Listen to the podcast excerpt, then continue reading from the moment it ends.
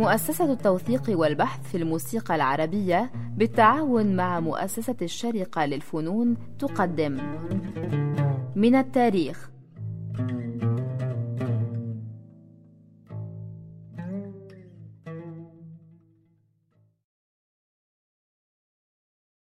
الخديوي عباس حلمي الثاني. هو عباس حلمي ابن محمد توفيق ابن إسماعيل ابن إبراهيم ابن محمد علي. ولد بالإسكندرية يوم 14 يوليو تموز 1874 حكم مصر قبل أن يبلغ الثامنة عشرة وبالتحديد يوم 8 يناير كانون الثاني 1892 خلفا لوالده الخديوي محمد توفيق ظل في الحكم حتى صدر قرار ملكي إنجليزي قضى بعزله وتولية عمه حسين كامل ابن إسماعيل يوم 19 سبتمبر 1914 وبمقتضى هذا القرار انتقلت مصر من النظام الخديوي التابع بالاسم لدولة بني عثمان في اسطنبول إلى الحماية البريطانية وتغير اسم خديوي إلى سلطان بتبعية فعلية لإمبراطورية بريطانيا العظمى. أعطى الخديوي عباس أهمية واعتبارا لا بأس بهما للفنون فقد رعى الشعراء والأدباء والموسيقيين كذلك مما جعل الكثيرين يعتبرونه امتدادا للخديوي إسماعيل. حتى في مسألة عزله فقد تم عزل جده إسماعيل بإعاز من الإنجليز ولكن عزله جاء بقرار ملكي مباشر. من ضمن من أولاهم الخديوي عباس اهتماما في الشعر أحمد شوقي حتى أنه أنعم عليه بالبهوية أي لقب. به وفي الموسيقى كان من المقربين منه الشيخ يوسف المنيلاوي وعبد الحي أفندي حلمي أبرز مطربي هذا العصر. ومن عبد الحي أفندي حلمي نستمع إلى دعاء يعيش خديوي مصر والمسجل على وجه واحد 27 سنتيمتر لشركة بيدافون حوالي عام 1912 مصنف رقم 19126 مقام أوج عراق من فروع السجاه على تخت سامي أفندي الشوع على الكمان محمد أفندي عمر على القانون ومنصور أفندي عوض على العود.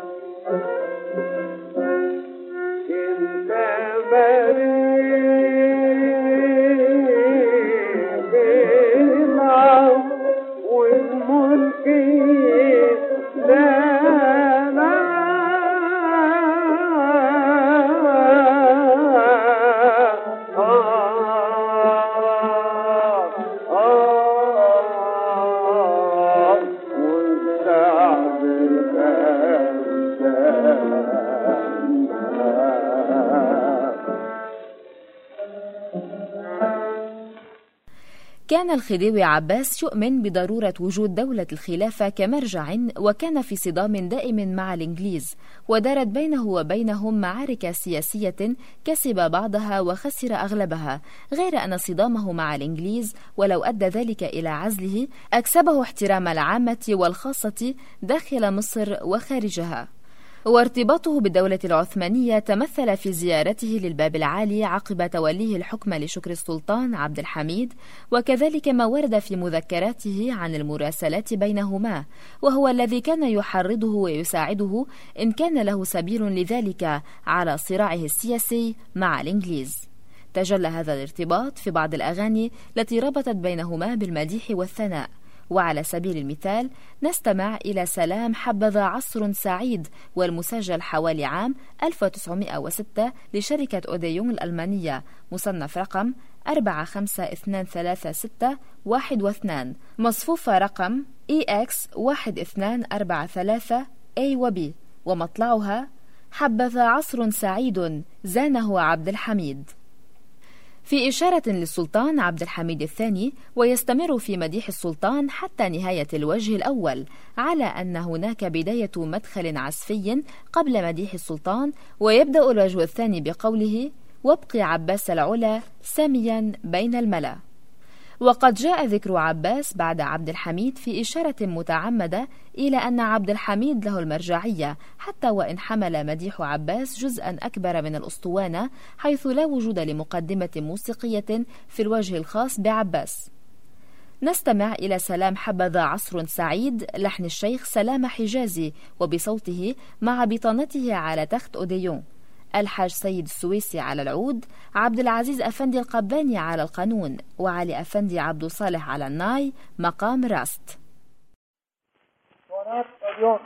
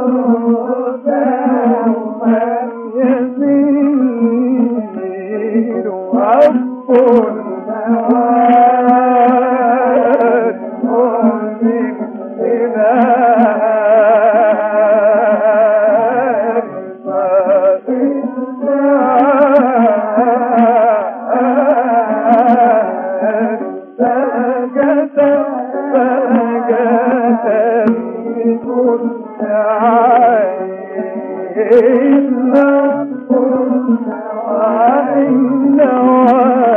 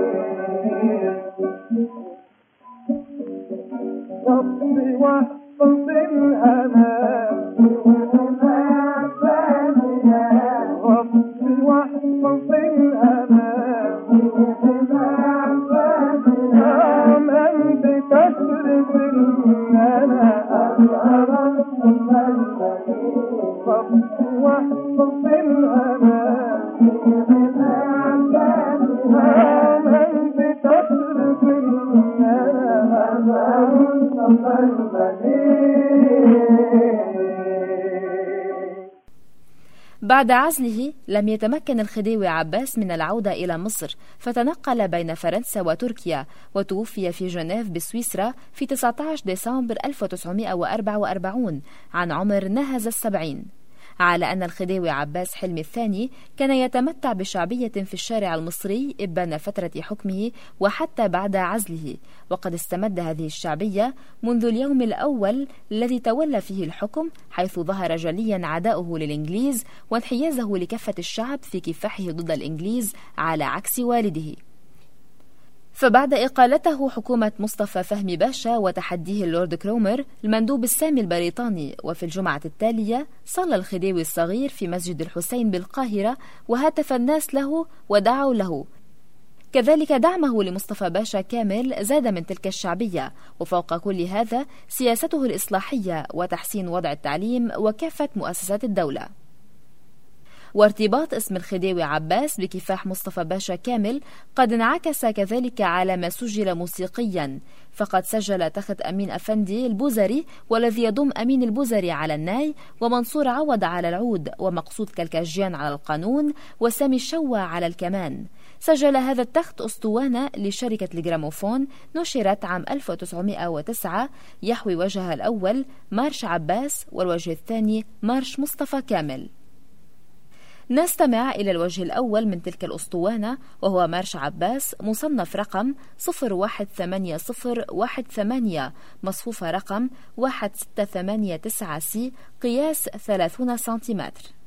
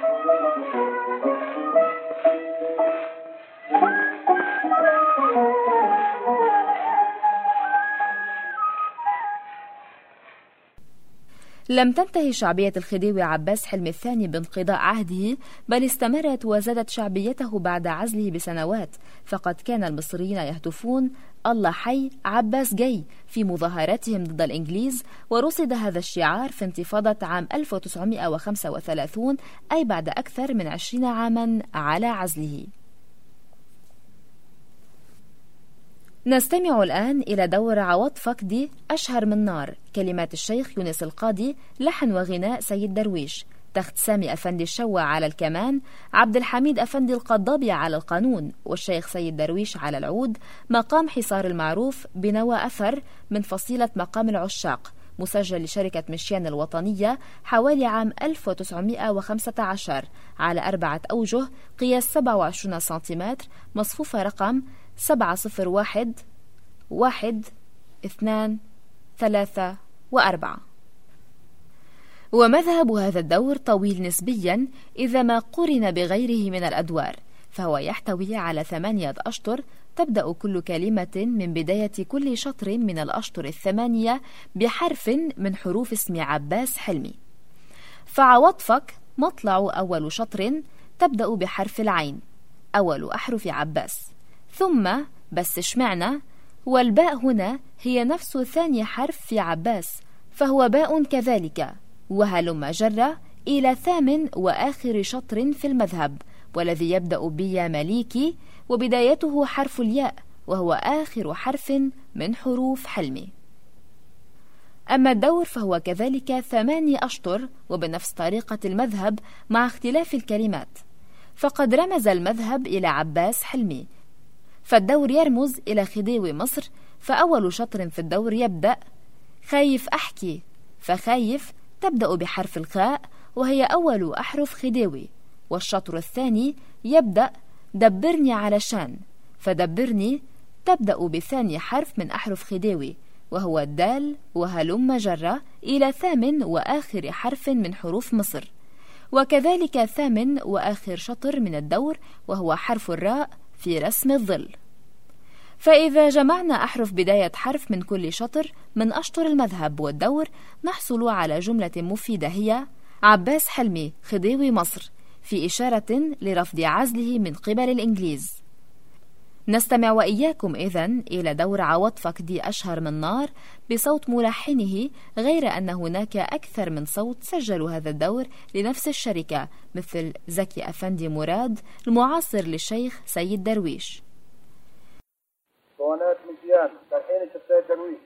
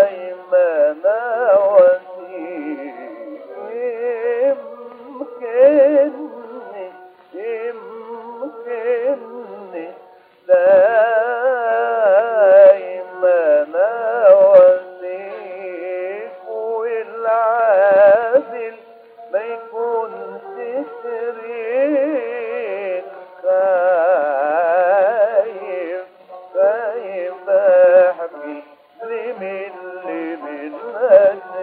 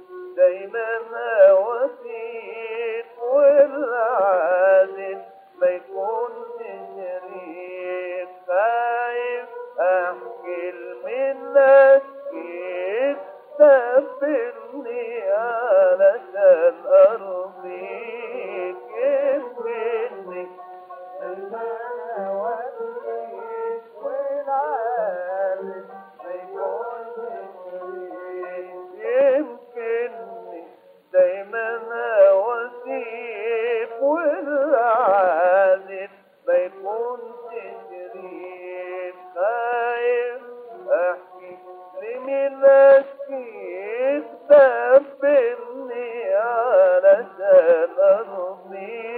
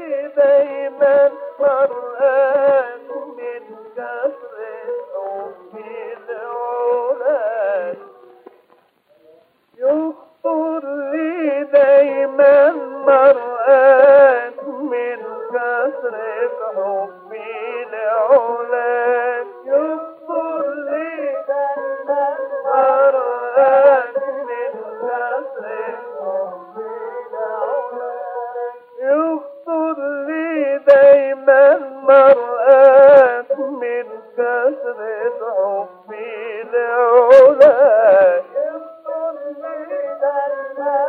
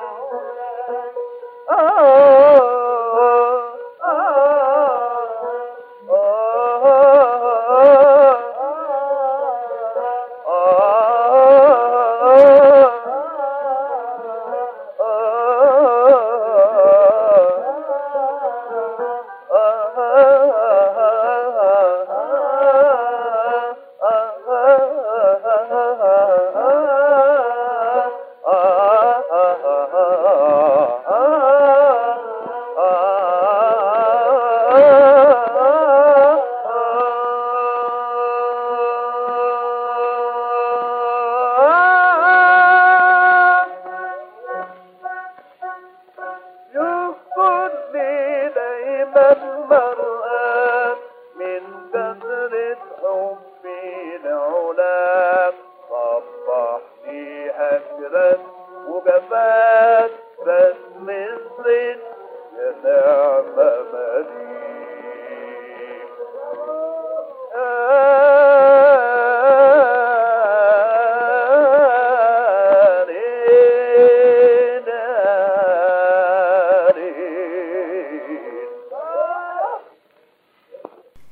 هنا نأتي إلى ختام هذه الحلقة من برنامج من التاريخ. شكرا لحسن استماعكم ونلتقي في حلقة أخرى مع شخصية أو حدث تاريخي جديد.